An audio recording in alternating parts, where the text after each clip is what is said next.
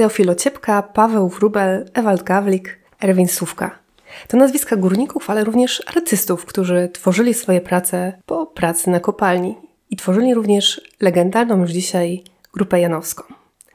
Dzisiaj chcę opowiedzieć zwłaszcza o jednym z nich, o Pawle Wróblu, nazywanym Śląskim Brojglem. To jest podcast Szyb Kultury, w którym opowiadamy o historii i kulturze Śląska po całości. Podcast tworzą Barbara Szustakiewicz-Przybyłka i Zbigniew Przybyłka.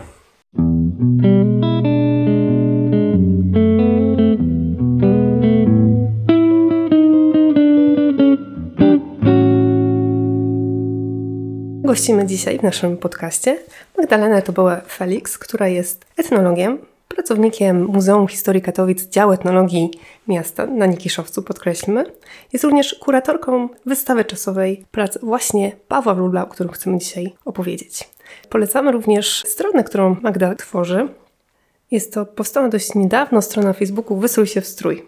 Mam nadzieję, że jeszcze kiedyś będziemy mieli okazję porozmawiać więcej o strojach regionalnych. Tutaj już tak zapowiadam, że może taki podcast kiedyś też powstanie, mam wielką nadzieję. A tymczasem witamy Cię bardzo serdecznie w naszym dzisiejszym odcinku poświęconym Grupie Janowskiej. Witajcie, bardzo dziękuję za zaproszenie do tej rozmowy. Zaczniemy może od tego, czym w ogóle jest Grupa Janowska. Dla nas, tutaj mieszkańców Katowic czy Śląska, ta nazwa wydaje się zrozumiała, wiemy mniej więcej, co to za grupa, kto ją tworzył, natomiast słuchają nas osoby z całej Polski, więc zacząłbym od pytania, czym właściwie jest Grupa Janowska? W rzeczywistości to koło malarzy nieprofesjonalnych, które powstało przy kopalni Wieczorek. Grupa Janowska to określenie, które jest trochę wtórne. Nadał je zdecydowanie później Aleksander Jackowski na określenie specyfiki tej konkretnej grupy bo musimy mieć świadomość, że grup e, malarzy, twórców nieprofesjonalnych na całym Śląsku, czy też w obrębie całego kraju było dość sporo. W drugiej połowie lat 40. powstawała ich cała masa i żeby to konkretne koło artystów nieprofesjonalnych się wyróżniło, nazwano ich właśnie grupą janowską. Zrzeszeni w niej byli głównie pracownicy kopalni, ale nie tylko, no bo jakby chodziło generalnie o to, żeby integrować ludzi, którzy pracowali w przemyśle. Ta masa robotnicza miała tutaj możliwość twórczego wyrażenia siebie, jakby opowiedzenia swojej historii i jak wówczas w momencie powstania tej grupy przekonywano pewnego rodzaju odreagowania tego trudu pracy pod ziemią. Chociaż e, tutaj kolejne wyjaśnienie, nie wszyscy członkowie tej grupy, tudzież innych grup twórców nieprofesjonalnych pracowali pod ziemią, bo chociażby Teofil Ociepka przecież był pracownikiem elektroociepłowni, więc on nie był górnikiem dołowym, mimo że taki trochę mit został stworzony wokół niego. Ja też to zastosowałam takie uogólnienie, powiedziałam górnicy, którzy malowali po pracy i najczęściej jak opowiadam o grupie Janowskiej, to tak to mówię, że to grupa malarzy nieprofesjonalnych, górników, którzy malowali po pracy. Jest to bardzo duże uogólnienie, ale warto wspomnieć, że sama grupa Janowska jako zrzeszenie artystów istnieje do dzisiaj. Do dzisiaj na pewno nie, nie malują tam tylko górnicy. E, tak, zgadza się. Ja, jako osoba zajmująca się zawodowo też trochę badaniem twórczości artystów nieprofesjonalnych, zawsze staram się oddzielać trochę funkcjonowanie historycznej grupy janowskiej, tego trzonu, który powstał e, wokół osoby Ottona Klimczoka, od tej formacji grupy janowskiej, która funkcjonuje dziś. Myślę, że to jest bardzo istotne, aby rozróżnić, że to są e, tak naprawdę dwa różne koła twórców nieprofesjonalnych. Tak? My już nie mamy za bardzo możliwości powrócenia do tego czasu największej świetności grupy janowskiej, ale też wówczas to był trochę inny świat i faktycznie inne motywacje kierowały tymi ludźmi. W większości to były osoby, tak jak powiedzieliśmy, zatrudnione w przemyśle, niekoniecznie górnicy dołowi, natomiast osoby, które faktycznie w tym przemyśle ciężkim ich życie było związane z tym światem. E, w tej chwili to głównie są osoby, które już są na emeryturze i malują hobbystycznie, i zapewne ich intencje i motywacje są troszkę inne. Tutaj należałoby też przeprowadzić jakieś systemowe badania, żeby z nimi porozmawiać i, i to określić. Natomiast już w latach 80., kiedy Seweryn Wisłocki E, krytyk sztuki i antropolog kultury, który zajmował się twórczością nieprofesjonalną, badał to środowisko, on też podkreślał, że warto rozdzielać historyczną grupę janowską od tego, co dzieje się teraz, podkreślając, że być może nawet teraz w nazwie tej formacji powinna się pojawić jakaś widoczna wzmianka, żeby ludzie mieli świadomość, że to jest kontynuacja, ale nie taka bezpośrednia. Także jednak e, są tam pewne rozbieżności, no i też już jakby ze względu na realia, w których żyjemy, tematy też są trochę inne. Ci ludzie, którzy są teraz zrzeszeni w grupie janowskiej, nie mają też do końca możliwości dokumentowania tego samego Śląska, który dokumentowali na swoich obrazach twórcy tej historycznej grupy janowskiej, bo tego Śląska już po prostu nie ma.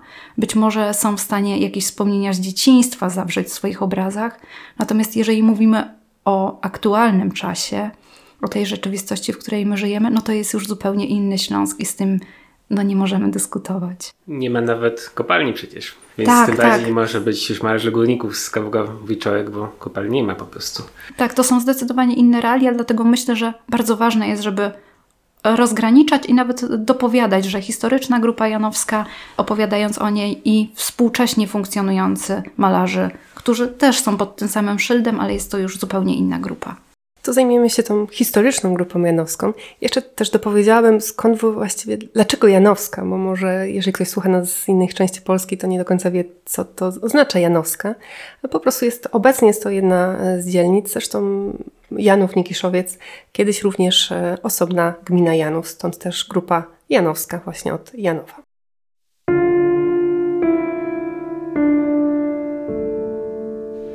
Małgorzata Szejnert Czarny ogród. Teofil Ociepka uważa, że świat można zmieniać tylko od wewnątrz, to znaczy zmieniając siebie poprzez ascezę i studia. 72 imiona Boże sprawiły, że jest ciągle zamyślony i trochę nieobecny. Myśli o ofierze z 72 jagniąt złożonych przez Żydów Bogu Izraela, o 72 skrzydłach Henocha, o 72 tłumaczach prawa, którzy ukończyli swój przekład w 72 dni, o 72 ludach ziemi. Z tej perspektywy bitwa pomiędzy dwoma ludami to tylko szmer niegodny uwagi. Przejdźmy też do początków tej historycznej grupy janowskiej. Wiele osób, jak słyszy grupa janowska, kojarzy im się to z okultyzmem. Tutaj postać oczywiście Teofila Ociepki i ten okultyzm, wokół którego tak naprawdę rozwinęło się pierwsze takie znajomości, tak to nazwijmy, między tymi malarzami. Czy możemy mówić o tym, że grupa janowska powstała wokół właśnie tego okultyzmu, który pojawił się przy Ociepce? I tak i nie. Ociepka miał e, taką misję, żeby stworzyć na Janowie grupę okultystyczną, taką gminę okultystyczną. I tak naprawdę on znalazł się w tym kole malarzy nieprofesjonalnych, który dzisiaj określamy mianem Grupy Janowskiej, za sprawą Ottona Klimczoka. Klimczok bardzo zabiegał, żeby ociepkę wciągnąć, no bo te jego obrazy były takie fascynujące, takie inne, właśnie takie mistyczne. On miał pewne zadanie, poszukiwał kamienia filozoficznego. Natomiast, co myślę jest ciekawe, sam Ociepka nie chciał malować. On marzył o tym, żeby grać na skrzypcach. I to jego wielki mistrz namówił go, znaczy powiedział, że on w zasadzie, żeby znaleźć ten kamień filozoficzny, żeby odnaleźć tą pełnię, powinien zacząć malować. No i tak Ociepka nie do końca zadowolony z tego faktu, faktycznie zaczął to robić. Ustamy, mówimy o rzeczywistości, tak właśnie. Tak, to uwierzyć, tak, nie? mówimy o rzeczywistości. W ogóle e, nie tylko e, biografia, życiorys Ociepki, ale również innych twórców właśnie, Gawlika, Sówki, Wróbla, który podczas tej naszej dzisiejszej rozmowy będzie nam szczególnie bliski, to w zasadzie biografie, które nadawałyby się na film. E, a nawet kilka filmów, bo, bo są one tak niesamowite i tak trudno w nie uwierzyć. Z jednej strony są niezwykle barwne, a z drugiej strony e, niestety niezwykle tragiczne. Tak właściwie jeden film no, powstał, Angelus Lecha Majewskiego. Może tak. nie jest to film biograficzny, ale bez wątpienia inspirowany grupą janowską, zwłaszcza tym wątkiem okultystycznym przyznam, że po raz pierwszy o Grupie Janowskiej usłyszałem, czy dowiedziałem się oglądając ten film e, kilkanaście czy już 20 lat temu. I myślałem, że to jest całkowicie zmyślona historia, bo trudno było uwierzyć w tych malarzy, górników, jednocześnie okultystów, a okazało się, że jest tym dużo prawdy. Tak, myślę, że wiele osób e, e, kojarzy Grupę Janowską właśnie przez pryzmat Angelusa i wiele osób też pewnie zastanawiały się, jak to jest możliwe. Wśród hajerów mistrz miał swoich uczniów. Siedmiu. I po robocie szli na łąka i wyciągali ręce do słońca. Bo mistrz im tak kozał. Światło ważniejsze jest od jedzenia, powiedział, bo daje największą energię.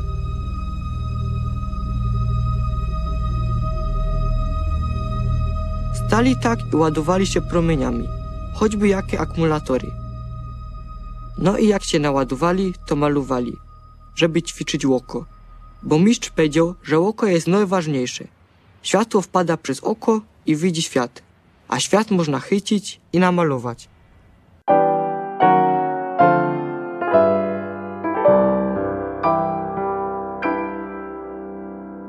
To jest tym bardziej fascynujące w poznawaniu e, losów tych poszczególnych twórców, które z, jednym, z jednej strony ta grupa ich konsolidowała i łączyła, a z drugiej strony no to były niesamowite indywidualności. Każdy z nich był inny. Ten wątek okultystyczny faktycznie skupiał się wokół samego Teofila Ociepki. On miał tam kilku takich swoich, nazwijmy to w cudzysłowie, wyznawców.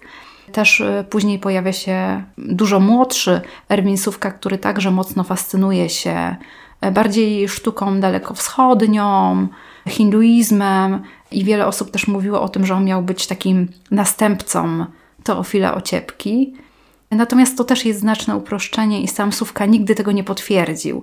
Między nimi było blisko 40 lat różnicy, więc trudno przypuszczać, że wiązała ich jakaś zażyła relacja. Sówka raczej w swoich wspomnieniach wspominał, że kilka razy spotkał się z Ociepką, natomiast to były spotkania na zasadzie takiej, że raczej się gdzieś minęli, Ociepka pewnie był dla niego pewnego rodzaju autorytetem, natomiast raczej nigdy nie było takiej sytuacji, w której e, Sówka miałby go zastąpić. Więc e, ten okultyzm oczywiście gdzieś tam się przewijał, natomiast nie był to taki warunek konieczny uczestniczenia w tej grupie, bo było wielu twórców, jak chociażby Paweł Wrubel, gdzie te wątki są bardzo znikome albo nie ma ich prawie wcale. Trudno tam doszukać się tego typu inspiracji. Może zarysujmy sobie takie ramy czasowe, bo sama grupa, jej początki, to właściwie jest okres już powojenny, to już są lata 40., ale jeżeli mówimy o tej historycznej grupie janowskiej, to jednym z jej członków był właśnie Erwin Sówka, wspomniany przed chwilą, który zmarł dość niedawno. W czasie, kiedy nagrywamy ten podcast, to niedługo będzie przypadała druga rocznica jego śmierci, więc ten okres działania tej historycznej grupy janowskiej jednak jest dość długi. Tutaj mamy E, od e, właściwie cały PRL i również okres transformacji.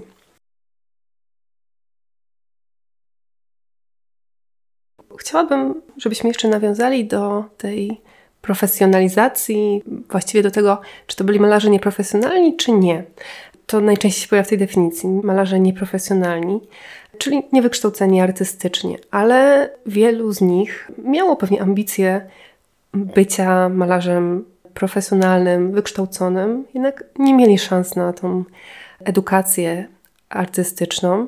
Jednym z nich był na pewno Ewald Gawlik. Czy w jego przypadku możemy powiedzieć, że był malarzem nieprofesjonalnym, czy nie? To jest bardzo trudne pytanie i trudno dokonać tutaj jednoznacznej klasyfikacji. Ewald Gawlik był takim twórcą, który był na pograniczu twórczości nieprofesjonalnej a z drugiej strony takiej twórczości akademickiej wykształconej. On na pewno miał aspiracje i ambicje właśnie do tego, żeby być artystą, malarzem, żeby skończyć Akademię Sztuk Pięknych i nawet pojawiła się taka możliwość, niestety wojna zabrała mu tę szansę, tak? I musiał przerwać edukację w Dreźnie. Gawlik też e, swego czasu kończył kurs u Pawła Stellera. To był jego wielki mistrz. Natomiast no nie udało mu się z tego wykształcenia zdobyć. I to było takim jego przekleństwem, bo potem wielokrotnie to go dyskwalifikowało z uczestnictwa w wielu wystawach twórców nieprofesjonalnych. Dyskwalifikowano go właśnie za ten nadmierny profesjonalizm. On ten swój warsztat bardzo mocno doprecyzowywał. Ta jego kreska była taka pewna. Gawlik też zresztą często jest porównywany do Van Gogha, tak? Mówi się śląski Van Gogh. No tutaj mamy śląskiego Bruegla, Wróbla, śląskiego Van Gogha, Gawlika, śląskiego Rousseau, Ociepkę, więc te porównania są tak bardzo chętnie wykorzystywane, ale faktycznie u, u Gawlika widzimy ten sposób nakładania farby. Wiele obrazów nasuwa nam po prostu obrazy Van Gogha wprost. No ale Gawlik, podobnie jak kilku innych artystów grupy janowskiej, byli zniechęceni do malowania głównie przez organy państwowe, służby bezpieczeństwa, która w przypadku Gawlika konkretnie kazano mu podpisać takie oświadczenie, że on nie będzie się zajmował, że nie będzie profesjonalnie tego robił. I dla niego jedynym wyjściem, jedyną alternatywą stała się w takim momencie grupa Janowska i tworzenie w niej. Czym, czym Gawlik się tak naraził, że mu zablokowano możliwość kariery zawodowej malarskiej? E, to był generalnie problem wszystkich malarzy tworzących w tej grupie. Problem wynikający ze specyficznych układów e, narodowościowych. Tak? No, Ślązacy byli też tak trochę na pograniczu cały czas między Polską a Niemcami. Te sytuacje widzimy też doskonale w przypadku Pawła Wróbla i jego życia. On przeszedł całą kampanię wrześniową walcząc w polskim wojsku. I w pewnym momencie, jak już tutaj wrócił, bo został ranny na froncie, kazano mu podpisać Volkslistę. I on jej nie chciał podpisać, jakby wyznawał zasadę, no jak to ja tutaj walczyłem z Niemcami, a teraz będę po drugiej stronie i będę musiał walczyć ze swoimi. No I wówczas zwolniono go z pracy. On został bez środków do życia. Znowu została mu tylko dorywcza praca e, i problem z utrzymaniem rodziny, więc jakby wszyscy bliscy namawiali go do tego, no podpisz, podpisz, co ci zależy, nie mieszaj się w politykę. No i wielu Ślązaków pewnie tak postąpiło, że podpisało dlatego, żeby zapewnić byt swojej rodzinie, żeby mieć pracę, żeby mieć co jeść, żeby mieć co dać jeść dzieciom i podpisali, żeby się nie mieszać w politykę bez jakiejś ideologii. On również podpisał, no i wypadało wtedy, że powinien pójść walczyć, powinien pójść na front do Wehrmachtu. I ten fakt, że w pewnym momencie ci ludzie byli zmuszeni do tego, żeby znaleźć się po stronie niemieckiej, no po wojnie sprawiał, że oni mieli dużo problemów. Oni przez władzę ludową byli traktowani jako Niemcy, jako taki element podejrzany, któremu się należy przyglądać. I dlatego i Gawlik, i Wrubel i wielu innych mieli potem problemy, byli przesłuchiwani w taki dość nieprzyjemny sposób, mówiąc bardzo delikatnie.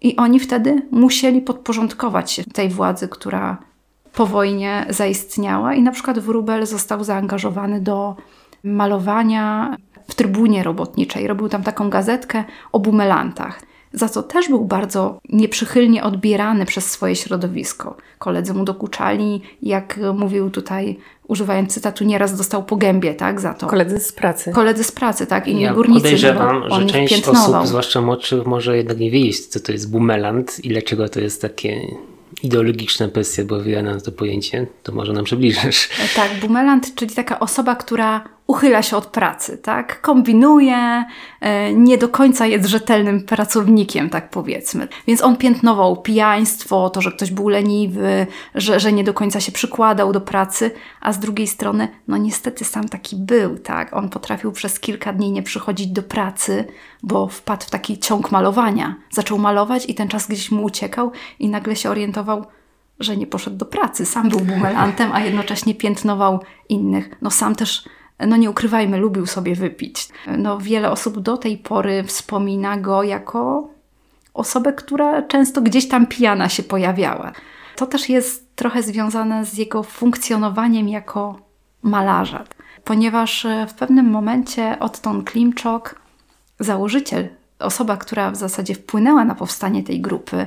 To był taki działacz społeczny, który tutaj konsolidował to całe środowisko i który starał się robić wszystko, żeby ta kultura, ta grupa plastyczna tutaj funkcjonowała. Sprowadził tutaj artystę z krakowskiej Akademii Sztuk Pięknych Zygmunta Lisa. I Zygmunt Lis tej grupie tych prostych robotników, górników, hutników zaczął opowiadać o bohemie artystycznej, Paryża i tak dalej. No i oni nie rozumieli w ogóle tego słowa. Oni zaczęli dopytywać, ale co to jest ta bohema? I wtedy zaczęli gdzieś tam drążyć i Wróbel dotarł do takich informacji, no, że oni często sobie lubili wypić, że bywali w różnych modnych kawiarniach, znaczy takich kawiarniach e, nie tyle modnych, ekskluzywnych, co takich miejscach, gdzie właśnie to środowisko artystyczne się skupiało. No i Wróbel e, miał wtedy powiedzieć, no to jak trzeba pić, no to ja też zacznę, to wtedy lepiej mi pójdzie to malowanie, tak? Chciał Gdzieś się tam... wpisać w etos paryskiego artysty, tak? Chciał, chciał i e, nie mówię, że to go wpędziło w nauk, ale to było jedno z takich z takich wątków, które pewnie się przyczyniły do tego, że potem miał faktycznie poważny problem alkoholowy. Czarny ogród. Urządzałem wraz z kolegami artystami prywatne spotkania, które trwały nieraz do późnych godzin nocnych. Były to cyganerie, gdzie strumieniami lała się gorzoła, czyli wódka. Toczyły się gorące dyskusje na temat sztuki. Bywały i momenty, kiedy nasze dzieła, z trudem namalowane, rozpadały się poprzez niemiłosierne walenie nimi w pijackiej gorączce o kant stołu. Opuszczaliśmy portki z żądaniem pocałowania nas w dupę. Padaliśmy sobie w objęcia, wylewając przedtem łzy i demonstrując jednocześnie swoje osamotnienie i nieszczęście.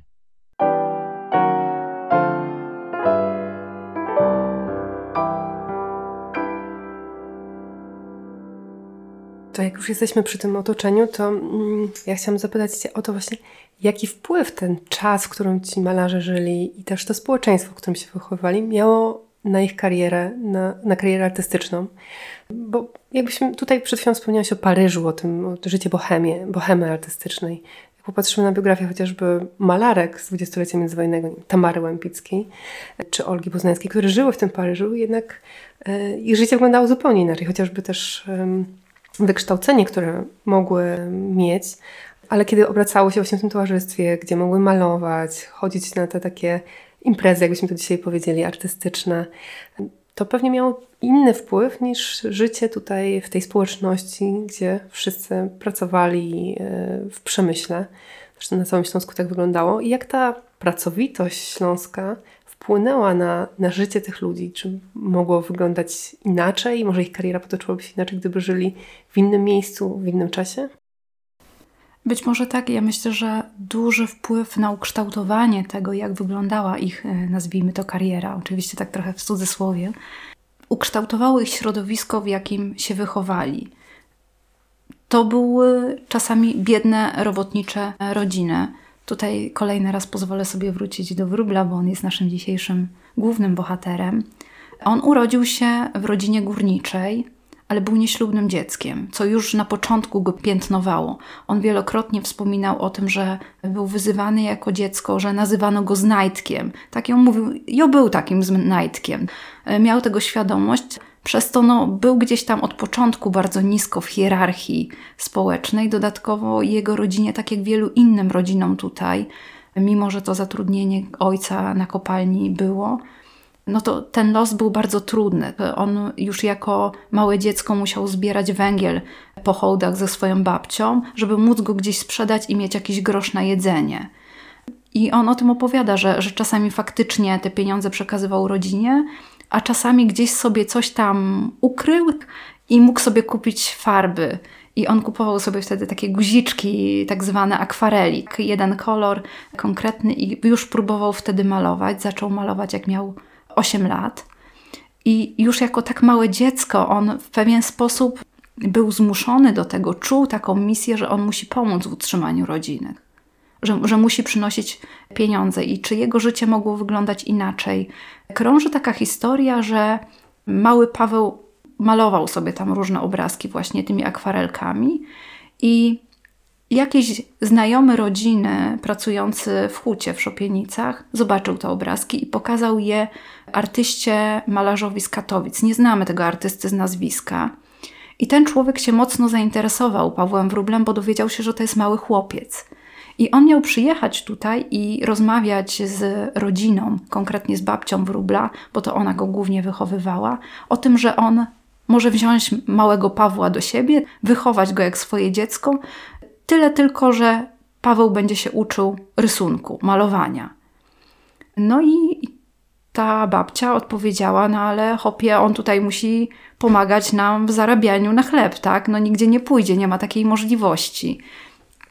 Wróbel potem wspomina po wielu latach tę sytuację i mówi, że on do końca nie wiedział nawet o co chodzi, że jakby nie zdawał sobie sprawy, tylko zapytał, babko, to ja mogę iść, czy, czy coś? No i ona powiedziała, że Nikaj nie pójdziesz, użyła tutaj takiego dobitniejszego słowa, jak, jak po latach wspominał to Paweł Wróbel. No i on został, tak? Być może to był ten moment, w którym jego życie mogło się zmienić. Później już e, nie bardzo była taka możliwość, No bo on jakby jako dziecko miał skończone 3 lata podstawówki. Więc jakby ta edukacja zatrzymała się bardzo wcześnie. Mówił, że no, ma umiejętność czytania i pisania i to mu wystarcza, natomiast gdzieś tam może czuł pewien niedosyt z tego powodu, że nie mógł kontynuować szkoły, a nie mógł jej kontynuować właśnie dlatego, że był zobowiązany pomagać rodzinie. I jako dziesięcioletni chłopiec y, został zaangażowany w taki proceder przez starszych kolegów. To było okradanie wozów, które wiozły mięso na, na targ. Rzeźnicy jechali na targ i ci chłopcy wkradali się do tych wozów, wykradali z nich mięso, kiełbasę i tak dalej. To było bardzo ryzykowne przedsięwzięcie, no bo w momencie, kiedy zostali złapani, byli bezlitośnie bici, a też często ci rzeźnicy praktykowali taki sposób, że wbijali w tą kiełbasę, w to mięso jakieś ostrza, ostre narzędzia. I Wróbel wspomina taką sytuację, że jego koledze raz udało się z takiego wozu wyciągnąć 5 kilo kiełbasy, ale wyszedł bez jednego palca. Więc jak sobie o tym pomyślimy, to były małe dzieci, to, to były dziesięciolatki, czternastolatkowie, więc jest to tragiczny obraz biedy tamtego czasu. To jeszcze w okresie międzywojennym, tak? Tak, tak. Mhm. Tak, to, to były lata e, dzieciństwa, więc on wzrastał w takiej społeczności, w takim, a nie innym świecie. Trudno wyobrazić sobie potem, żeby wyrwał się z tego, zwłaszcza, że jak poznał swoją żonę, ich bardzo zbliżyło to, że ona też była nazywana Znajdkiem. Gdzieś pochodziła też z takiej biednej rodziny i jak ona wspominała ich ślub, to mówiła, że to były dwa wina, matka zamówiła blachę ciasta i było półtora kilograma kiełbasy i to było ich wesele. Więc y, widzimy, że to wszystko było takie bardzo skromne, biedne i oni nauczyli się w tym funkcjonować, jakby mieli bardzo małe możliwości, żeby się z tego wyrwać. Być może dlatego Paweł Wróbel w momencie, kiedy grupa janowska stawała się popularna i ich wystawy odbywały się nie tylko tutaj na Śląsku, ale też w Warszawie, w innych miastach Polski i później e, za granicą, on tak bardzo mocno cieszył się tym wszystkim. Tak bardzo mocno brał to wszystko do siebie. Zbierał wycinki z gazet, gdzie o nim pisano. Wierzył we wszystko, co pisano. Jedna z gazet napisała, że wystawa grupy Janowskiej, konkretnie Pawła Wróbla, wystawa jego obrazów pojawiła się w Paryżu pod wieżą Eiffla. To nie jest potwierdzona informacja, to prawdopodobnie nigdy się nie stało, ale on bardzo chciał w to wierzyć. Bardzo mocno przeżywał te wszystkie komentarze. Jeżeli pojawił się jakiś niepochlebny komentarz, no on to bardzo personalnie odbierał. E, bardzo mocno cieszył się z tych wszystkich wycinków, gdzie zaznaczał sobie podobno czerwonym długopisem, że, że jest genialnym artystą, że ma taki wielki talent. Aleksander Jackowski, krytyk sztuki, wspomina w jednym ze swoich tekstów, że był taki moment, kiedy powołano nowego rektora Akademii Sztuk Pięknych. I zbulwersowany wróbel miał tam napisać i awanturować się, dlaczego to nie on został wybrany, bo przecież on jest genialnym artystą. I miał do ministra, ówczesnego ministra kultury wtedy wysłać te wszystkie wycinki z zaznaczonymi fragmentami, no, że przecież jest wybitny, że, że ma talent, że tworzy taką niesamowitą sztukę i to on powinien być brany chociaż pod uwagę na takie stanowisko.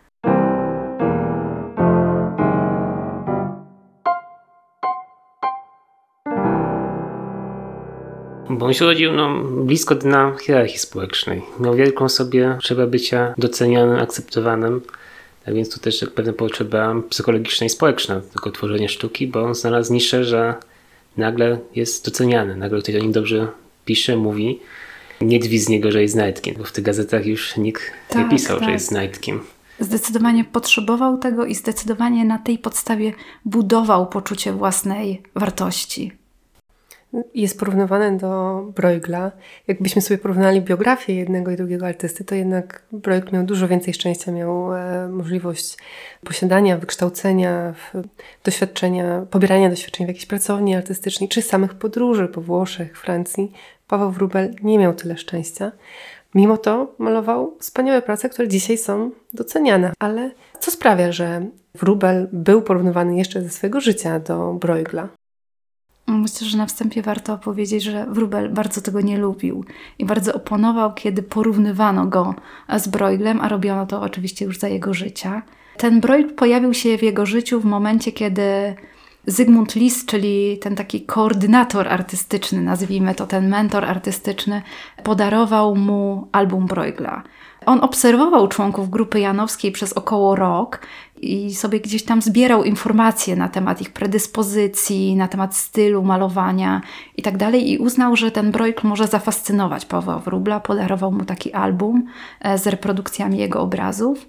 No i we wspomnieniach znajdujemy taką informację, że wtedy Paweł Wróbel zniknął na tydzień czy dwa i po prostu się zaszył u siebie w domu, bo był tak zafascynowany tą książką, przeglądał te reprodukcje. On na swój sposób myślę, że nawet nie będzie przesadzone, żeby powiedzieć, zakochał się w Brueglu, w tym jego przedstawianiu tej mikrospołeczności, tej ludyczności, tego takiego sposobu bycia, tej ulotności dnia codziennego, bo Brojk nie bał się dokumentować prostych ludzi w ich codziennych zabawach, uciechach, ale też w jakichś codziennych czynnościach.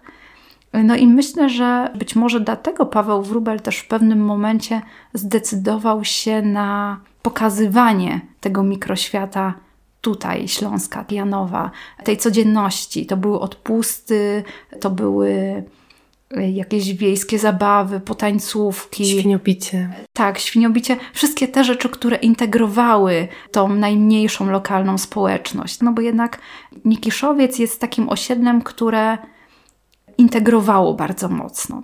To są familoki skupione wokół konkretnych podwórek, więc ci ludzie po sąsiedzku robili wszystko razem. Tarcie pierza, właśnie świniobicie, inne tego typu rzeczy, jak chociażby kieszenie kapusty, takie coroczne rzeczy, które też odbywały się w środowiskach wiejskich. Tutaj to środowisko takie powiedzielibyśmy trochę wiejskie było skonsolidowane w małym miasteczku, takim e, samowystarczalnym. I on w pewnym momencie uznał, że trzeba to wszystko dokumentować, bo to niedługo zacznie znikać, bo to wszystko ulega pewnej transformacji, zmienia się, unowocześnia. I on tego nie do końca chciał, nie do końca to akceptował, te zmiany. Jest taka historia, jak Wisłocki mówi, że któregoś dnia szukał wróbla, żeby z nim porozmawiać. I poszedł do jego domu, ale tam na drzwiach zobaczył kartkę Jestem w parku.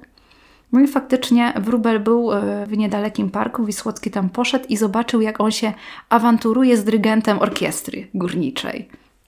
No i podobno odciągnął go w ostatnim momencie.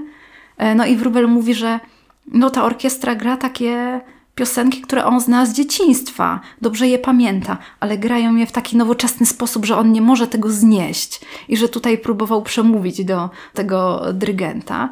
Po czym porozmawiał sobie z Wisłockim i przyznał mu rację, że wszystko się zmienia i że pewne rzeczy należy zaakceptować, i podobno szybko poszedł do domu i mówił: To ja muszę ten moment namalować, bo on też zaraz zniknie.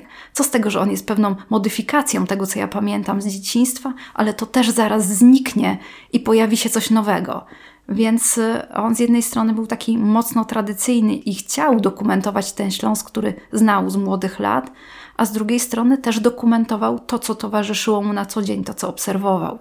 E, stąd też mamy liczne e, obrazy, które przedstawiają chociażby wesela, fotografów robiących ślubne zdjęcia. No to są zapewne rzeczy, które on gdzieś widział przechodząc ulicą, które mógł obserwować. E, mamy na przykład obraz właśnie z orkiestrą górniczą. Na wystawie w Muzeum Historii Katowic jest też obraz chociażby pogrzeb górnika. To są wszystkie takie rzeczy, które mu towarzyszyły na co dzień i w tym był bardzo podobny do Bruegla, że to dokumentował.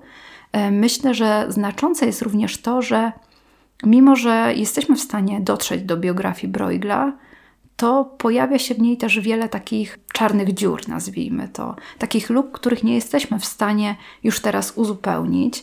I w życiorysie Pawła Wróbla też pojawiają się takie momenty. Teoretycznie jest jeszcze wiele osób, które go pamiętają. Ciągle jeszcze trafiają, chociażby do nas, do muzeum, osoby, które mówią: Znałem jego córkę, chodziłem z nią do szkoły, pamiętam go, bywałem u nich w domu. Więc teoretycznie jest sporo osób, których można by zapytać o niego, a z drugiej strony też jest wiele takich czarnych dziur, takich niedopowiedzeń, e, takich nieścisłości, e, chociażby na przykład data urodzenia Pawła Wróbla. Wiem, że to jest 19 e, czerwiec, To jest data bardzo mi bliska, bo to też e, dzień, w którym ja obchodzę swoje urodziny, więc tutaj doskonale pamiętam. Ale w niektórych e, artykułach na jego temat na przykład pojawia się 13 czerwiec, więc w pewnym momencie we mnie też zrodziła się potrzeba zweryfikowania tego, czy to jest błąd, czy gdzieś tam pojawiła się nieścisłość. To, co mówiłaś o tych pewnych paralelach między XVI-wiecznym niderlandzkim malarzem Bruegelem a Wróblem, nasunęło mi inne skojarzenie, troszkę bliższe, ponieważ jest taki malarz z Beskidu Śląskiego, Jan Wałach. Miałem okazję kiedyś troszkę bliżej poznać jego biografię, jego życiorys. I tutaj bym widział pewne paralele między Janem Wałachem, czyli tą śląskim góralem, zupełnie oczywiście inny świat niż świat przemysł, przemysłowego okręgu w Katowicach. I Jan Wałach, jest, powiedziałbym, troszkę jest jak Ewald Gawlik, czy nawet bardziej, bo on odebrał dobre wykształcenie w Paryżu, więc jakby chciał, mógł być jakby najbardziej profesjonalnym malarzem, ale wybrał trwanie w sztuce ludowej i malowanie i także tworzenie w innych technikach dzieł, które dokumentowało życie tych górali śląskich, beskidzkich. No i on tworzył bardzo długo, bo od, od międzywojnia aż po lata 70., kiedy umarł. I w pewnym momencie Jan Wałach z malarza, który dokumentuje rzeczywistość, przerodził się właściwie fantastę, bo zaczął dokumentować świat, którego nie ma. Świat właśnie wesel góralskich, yy, świat pasterzy i tak dalej.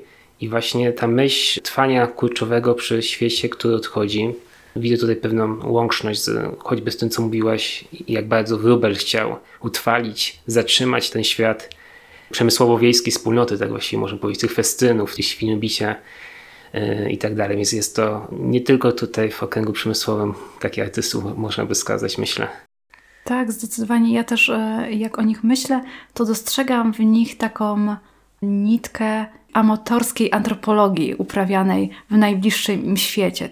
Oni mieli potrzebę dokumentowania i opisywania, oczywiście na swój własny sposób, ale to jest też taka pewna forma prowadzenia badań terenowych. To nam dzisiaj pokazuje wiele ważnych dla tego środowiska uroczystości, takich form spędzania czasu, o których często gdzieś tam zapominamy. Natomiast te ludyczne formy spędzania czasu, czyli właśnie potańcówki, odpusty, festyny, ten moment, kiedy przyjeżdżały tutaj cyrki, karuzele i tak dalej, no to był przecież bardzo ważny moment dla tej społeczności. Ten moment ich integrujący bardzo mocno, a jednocześnie no, przywołujący kawałek takiego świata większego, spoza tego ich lokalnego środowiska. Jak nie ma internetu, nie ma telewizji, czy jest bardzo w ograniczonym zasięgu telewizja, więcej trzeba było wyjść, spotykać się z ludźmi, też samemu coś zrobić, żeby sobie zapewnić. To tłumaczy zresztą fenomen tych malarzy nieprofesjonalistów. Można też wspomnieć, że przecież orkiestry górnicze także swoim założeniem były orkiestrami górników. No obecnie to są właściwie grupy rekonstrukcyjne, byśmy powiedzieli. Profesjonaliści, którzy się przebierają w mundury górnicze i grają, ale kiedyś jeszcze tam 150 lat temu kiedy w ogóle pojawiło się pojęcie wolnego czasu. Takie ten robotnik po, po fajrancie dostawał mu parę godzin w ciągu dnia, czy też wolna niedziela i coś musiał e, ten czas zapełnić. To właśnie sprzyjało temu, żeby malować, grać w orkiestrze na festynie albo w kościele, na pogrzebie, czy po prostu grać być gołębiorzem i tak dalej, i tak dalej. Wydaje mi się, że w związku z tym, że mamy tyle form rozrywki profesjonalnej, że po co mamy sami tworzyć muzykę, skoro możemy złączyć Spotify i usłyszymy znacznie lepszą muzykę profesjonalnie zrobioną. To ta profesjonalizacja rozrywki, profesjonalizacja wypełniania wolnego czasu, no także sprawiła, że, że ten świat artystów i profesjonalistów odszedł, czy odchodzi, czy się wcofnął w taką niszę specyficzną. Tak, zgadzam się, chociaż z drugiej strony mam czasem takie wrażenie, że właśnie Teraz młode pokolenie czuje trochę potrzebę powrotu do tradycji, e, szukania pewnego zakorzenienia w tradycji. Być może nie dotyczy to jeszcze malarstwa nieprofesjonalnego, ale w wielu sferach kultury tej tradycyjnej dostrzegamy zainteresowanie wartościami tradycjami, które kultywowali nasi dziadkowie albo nawet pradziadkowie, to dotyczy chociażby stroju ludowego. Młodzi ludzie sięgają ponownie po strój ludowy, który jest przecież artefaktem kultury typowo wiejskiej. Więc być może też nadejdzie taki moment, kiedy ponownie docenimy to malarstwo nieprofesjonalne i faktycznie będzie jakaś grupa, która to wskrzesi. No teraz trochę do chociażby grupy Janowskiej i pewnie też wielu innych grup tego typu trudno jest dołączyć młodym ludziom, no bo godziny spotkań tych grup i też profil osób, które w nich uczestniczą jest dość specyficzny, więc e, to może niekoniecznie daje taką możliwość. Kiedyś no faktycznie było inaczej, bo te formy spędzania tak zwanego wolnego czasu, chociaż kiedyś e, chyba tego określenia się nie używano, bo każdy wolny czas był jakoś zagospodarowany. Właśnie czy to robieniem krupnioków, czy kiszeniem kapusty, czy to darciem pierza, tudzież innymi takimi formami spędzania czasu. Ale w momencie, kiedy on się pojawił, to faktycznie ta niedziela była wykorzystywana na te, nazwijmy to, hobby. I stąd też e, malarze nieprofesjonalni, zauważmy, bardzo często byli nazywani malarzami niedzielnymi Dziś moglibyśmy to uznać jako takie trochę pejoratywne określenie, chociażby szukając analogii z niedzielnym kierowcą, czyli kimś, no, kto niekoniecznie dobrze to robi. Natomiast no, wtedy nie było to tak oceniane i oni faktycznie w swoim tym tak zwanym wolnym czasie siadali i malowali.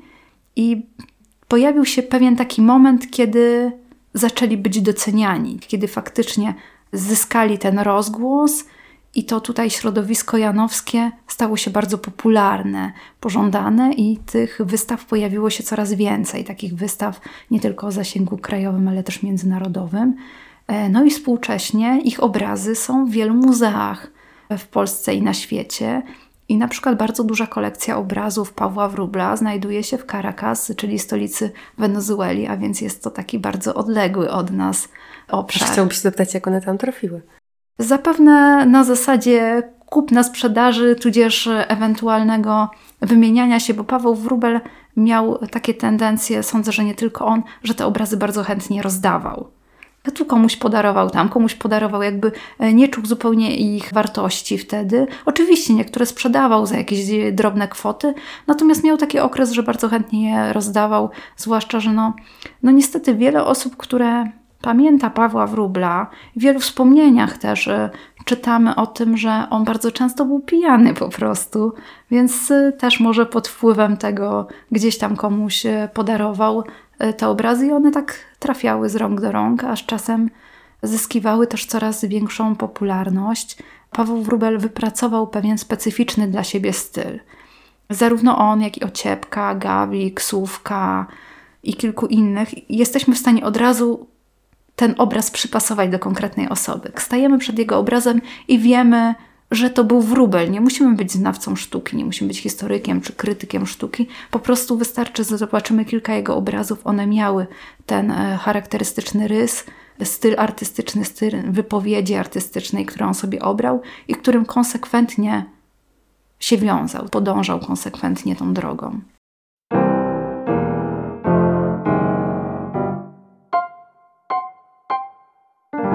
Właśnie, jeżeli jesteśmy przy tych charakterystycznych cechach stylu Pawła Wróbla. Jednym z nich są twarze ludzkie, a właściwie ich brak. Czy to było zamierzone? Dlaczego Paweł Wróbel nie malował twarzy ludzkich? Tak, dla twórczości Pawła Wróbla bardzo charakterystyczne są takie uproszczone ludziki. Powiedzielibyśmy trochę, że jak z rysunków dzieci, które nie posiadają rysów twarzy. One oczywiście się pojawiają, natomiast bardzo rzadko. Przede wszystkim Wróbel nieszczególnie lubił malować twarz, to zajmowało mu sporo czasu. I w pewnym momencie też zauważył bardzo pochlebne oceny krytyków właśnie na takie bardzo uproszczone, zgeometryzowane formy. Więc uznał, że w zasadzie po co ma pracować nad swoim warsztatem, jakoś tak bardzo męcząc się, skoro taka forma jest bardzo przychylnie odbierana przez krytyków. Więc y, to już potem był y, zamierzony efekt i z czasem faktycznie stał się takim bardzo rozpoznawalnym motywem na obrazach wróbla podobnie jak żywa i bardzo intensywna kolorystyka. On chętnie korzystał z kolorów. Tutaj duży wpływ na niego miały też takie powiązania z fowistami, z Matisem. On przez ten kolor budował pewną głębię obrazu. Znaczy, on miał duży problem z perspektywą. On tworzył kolejne plany, po prostu nakładając je warstwowo. To była partia zieleni, familoków, nieba, gdzieś tam oddali szyby kopalniane i taką sekwencję przyjmował w niemal każdym obrazie i malował to tak warstwowo, nakładając kolejne plany jeden na drugi. Oddzielał je jedynie intensywnym kolorem ten kolor na dzisiejszych obrazach czasami wydaje nam się już taki trochę przygasły. Są takie obrazy, które bardzo mocno eksponują ten kolor i się błyszczą, ale to też jest kwestia tego, że one są werniksowane, więc jest to żywszy kolor. W niektórych przypadkach on niestety blaknie. No, obrazy też potrzebują odpowiedniej pielęgnacji, renowacji po pewnym czasie. Natomiast on był bardzo dużym fanem koloru. I co też jest, myślę, ciekawe w przypadku kolekcji obrazów Wróbla, którą my posiadamy w Muzeum Historii Katowic, w większości są to faktycznie obrazy malowane na płótnie. Wielu artystów nieprofesjonalnych malowało trochę, mówiąc kolokwialnie, na czym popadnie, tak? To były deski, to były jakieś podkłady kolejowe, to były płyty pilśniowe. Natomiast w przypadku Pawła Wróbla, akurat w naszej kolekcji, najwięcej jest obrazów malowanych na płótnie udawało mu się zdobyć, ale tutaj też duża zasługa właśnie od Tona Klimczoka, o którym mówi się, że nawet w tych najtrudniejszych czasach potrafił dla swojej grupy, dla swojego koła zdobyć farby i te wszystkie potrzebne materiały. On był bardzo mocno zaangażowany w twórczość tego koła malarzy nieprofesjonalnych i sam też w pewnym okresie do niego dołączył. I w naszej kolekcji działu etnologii miasta również znajduje się jeden obraz od Tona Klimczoka, to jest jego autoportret, który mamy nadzieję już niedługo zawiśnie przed e, salą, w której znajduje się wystawa stała Grupy Janowskiej, bowiem ta sala docelowo ma nazywać się salą Ottona Klimczoka. Sądzimy, że takie upamiętnienie po prostu mu się należy za to wszystko, co zrobił. Myślę, że o tej postaci jeszcze kiedyś będziemy musieli porozmawiać, bo to jest materiał na cały odcinek, ale warto wspomnieć, że to był świetny organizator tutaj właśnie tego życia kulturalnego. Myślę, że też warto powiedzieć o samej relacji Wróbla i Klimczoka. Klimczoka. Mhm. Bo Otton Klimczok był tą osobą właśnie zrzeszającą to całe środowisko.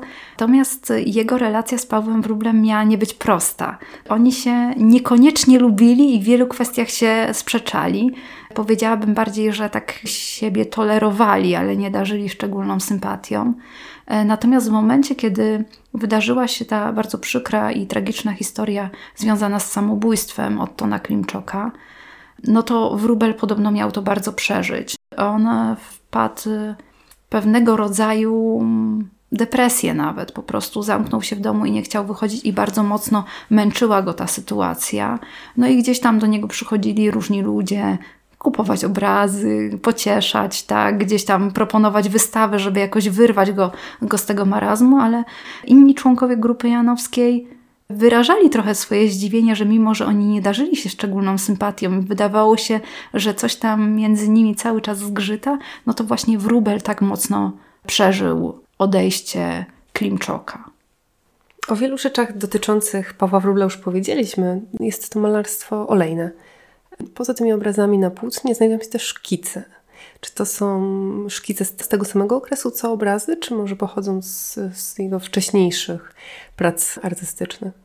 Szkice są mniej więcej z tego samego okresu co obrazy, to jakby była taka praca integralna. On sobie cały czas coś szkicował, obserwował, robił szkice i potem na podstawie tych szkicy różnie skonsolidowanych tworzył obrazy.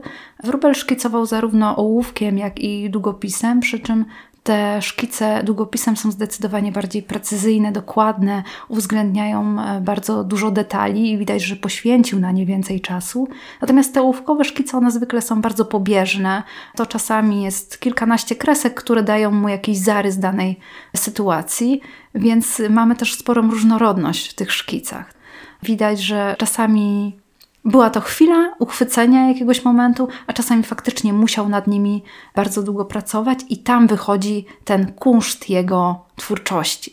On faktycznie, jeżeli przyłożył się do tego, poświęcił temu więcej czasu, potrafił stworzyć obraz, który dla nas jest dzisiaj zadziwiający i trochę inny od tego, e, co znamy z tych jego prostych, zgeometryzowanych kształtów.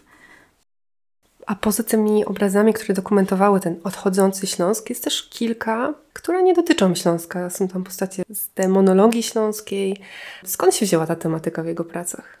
E, no bo właśnie ta tematyka też dotyczy Śląska. To jest śląska demonologia. On też chętnie malował postaci, które my znamy z różnego rodzaju podań, wierzeń, pewnie tych historii, które gdzieś mu towarzyszyły przez całe życie, ale które też chętnie opowiadało się dzieciom, więc pojawiają się tam utopce i inne tego typu stworzenia. Pojawiają się też e, czarownice.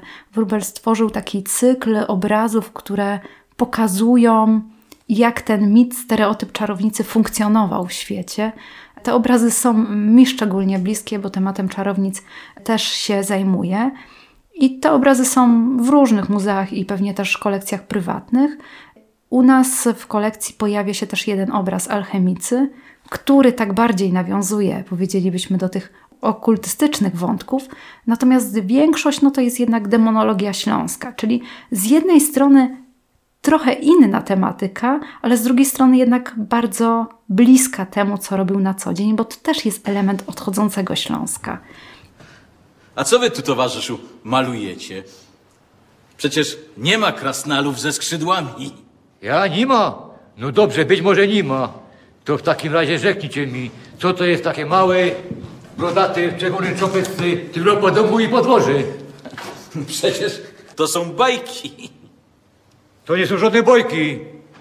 Chłopie, to jest prawda. To są obrazy do ludzi i nauki, co by się spamiętali, żyli jak Pan Bóg przykozą.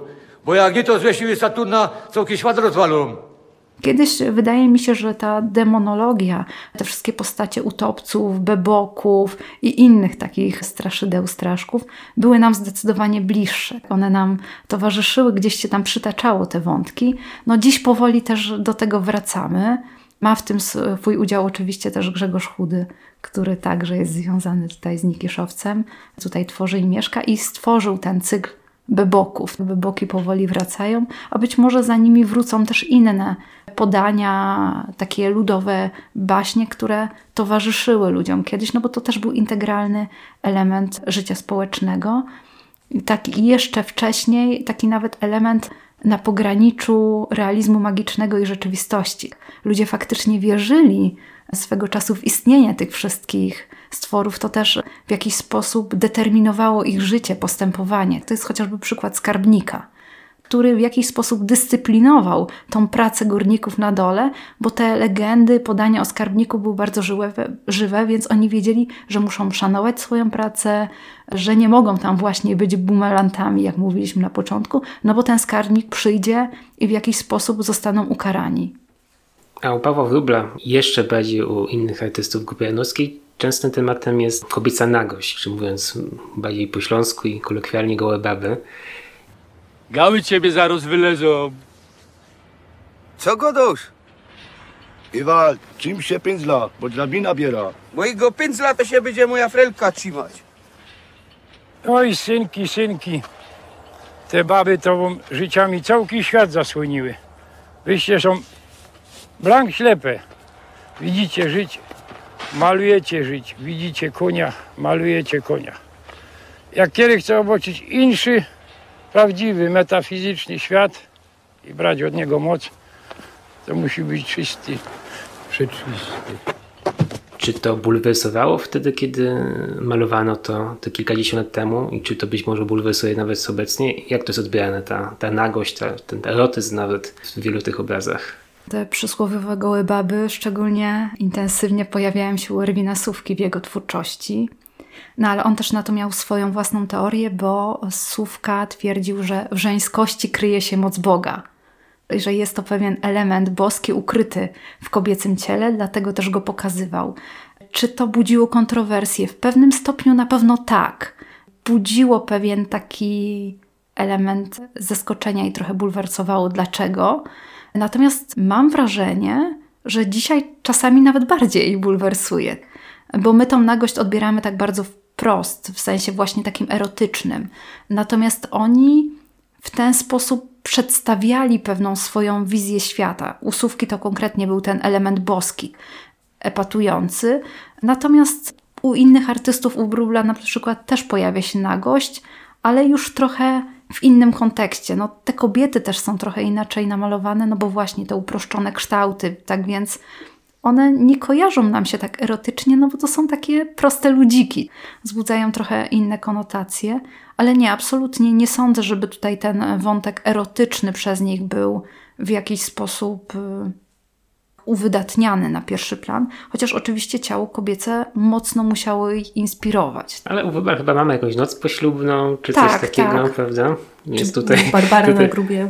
Tak, Barbara, Barbara na grubie i noc poślubna są malowane w podobnym klimacie, w podobnym ułożeniu. E, zauważmy, że w nocy poślubnej pan młody siedzi jeszcze w garniturze, tak? Chyba nawet w cylindrze. Przypuszczamy, że raczej pijany, a ta kobieta obok naga leży i, i się musi na niego denerwować, a on już raczej nie jest skłonny do żadnych działań. Czyli to takie jest znowu bejgolowski pewnego. Tak, e, tak. Takie anegdoty. Zdecydowanie. Tych anegdot związanych z członkami grupy janowskiej i z samym wróblem jest dość dużo. Myślę, że jedna jest warta e, takiego przytoczenia, bowiem tą osobą, która tak naprawdę wpłynęła na to, że grupa janowska była gdzieś rozpoznawalna i zaczęły się te duże wystawy, była postać Izabeli Czajki-Stachowicz, która tutaj dotarła i która tak naprawdę odkryła i wylansowała Teofilę Ociepkę. Natomiast żona Pawła Wróbla, pani Elżbieta, wspominała w formie takiej anegdoty, że to tak naprawdę jej Paweł był tą pierwszą osobą, z którą Czajka Stachowicz miała rozmawiać. Spotkała go właśnie w świetlicy przy kopalni wieczorek i on ją zabrał do swojego domu, żeby pokazać swoje obrazy. No i wtedy żona Wróbla mówi: Dlaczego taką kobietę, wysoko postawioną, w mundurze Urzędu Bezpieczeństwa, nagle interesują te głupoty, które maluje mu mój Paulek? przecież musi jej chodzić o mojego chopa, nie? To ją pogonia, niech ona sobie idzie do tego ociepki, on tam nie ma baby, to, to nie będzie żadnego problemu. No i ona miała powiedzieć Czajce Stachowicz, żeby się od jej chopa odczepiła i poszła gdzie indziej, no bo przecież nie mogły ją interesować obrazy, tylko wiadomo, że tam Typowa było... zazdrość. Tak, tak, drugie dno. No i ona potem po latach mówiła, opowiadała tę historię, nie wiem, wiemy na ile ona jest prawdziwa, ale opowiadała, mówiła, głupio była, to mój Paulek mógł być taki sławny i mógł być na miejscu ociepki. Bardzo piękna anegdota, powiązana takie życie artystyczne jednak z tym życiem rodzinnym. A już zbliżając się do końca naszej dzisiejszej rozmowy, chciałam zapytać, gdzie można odkrywać pracę Pawła Wróbla i innych członków Grupy Janowskiej? Prace Grupy Janowskiej znajdują się w zasadzie w każdym, myślę, śląskim muzeum i w wielu muzeach w Polsce. Jeżeli chodzi o te najbliższe nam, no to Muzeum Historii Katowic ma też wystawę stałą, na której można przekrojowo zobaczyć twórczość Grupy Janowskiej, czyli mamy tam i obrazy Teofila Ociepki, i Ewalda Gawlika, i właśnie Erwina Sówki, także Pawła Wróbla, ale można je zobaczyć także w wielu innych śląskich muzeach. W niektórych na wystawach stałych, innych pewnie okresowo będą się pojawiać wystawy czasowe, więc trzeba to po prostu śledzić. A czy można kupić gdzieś? tak, Pojawiają tak. się na aukcjach? Pojawiają się na aukcjach, bardzo często pojawiają się chociażby w Desie. Natomiast no, te ceny rosną, tak więc te osoby, którym gdzieś tam Paweł Wrubel dawno temu podarował obraz, no mają dzisiaj dużo szczęścia. Jak otworzyłam wystawę o Pawle Wróblu, to pojawiła się u nas pani, która mieszka w Nikiszowcu od, od dzieciństwa i ona właśnie wspominała, że z córką Pawła Wróbla, z Ritą, chodziła do jednej klasy i się przyjaźniły. I któregoś dnia pojawiła się u Wróbla w domu i zobaczyła tam taki mały obrazek, który bardzo jej się spodobał. I dostała go w prezencie. Przyszła z nim do domu, no i jak jej mama zobaczyła, że przyniosła obraz, no to ją pogoniła, że ma to oddać z powrotem, że nie wolno takich prezentów przyjmować. I ona mówi, no oddałam ten obraz, ale teraz tak żałuję, to tyle pieniędzy teraz. Nie więc jakby e, było dużo osób, które dostawały te obrazki w prezencie. Zresztą Wróbel malował wiele motywów kilkakrotnie. Mamy obrazy bardzo podobne do siebie, chociażby z cyklistami. Ci rowerzyści to jest taki motyw, który pojawia się na wielu obrazach. One są bliźniaczo do siebie podobne, one się pojawiają w wielu muzeach, więc w zasadzie on powtarzał te swoje motywy malował kilka razy ten sam obraz nawet.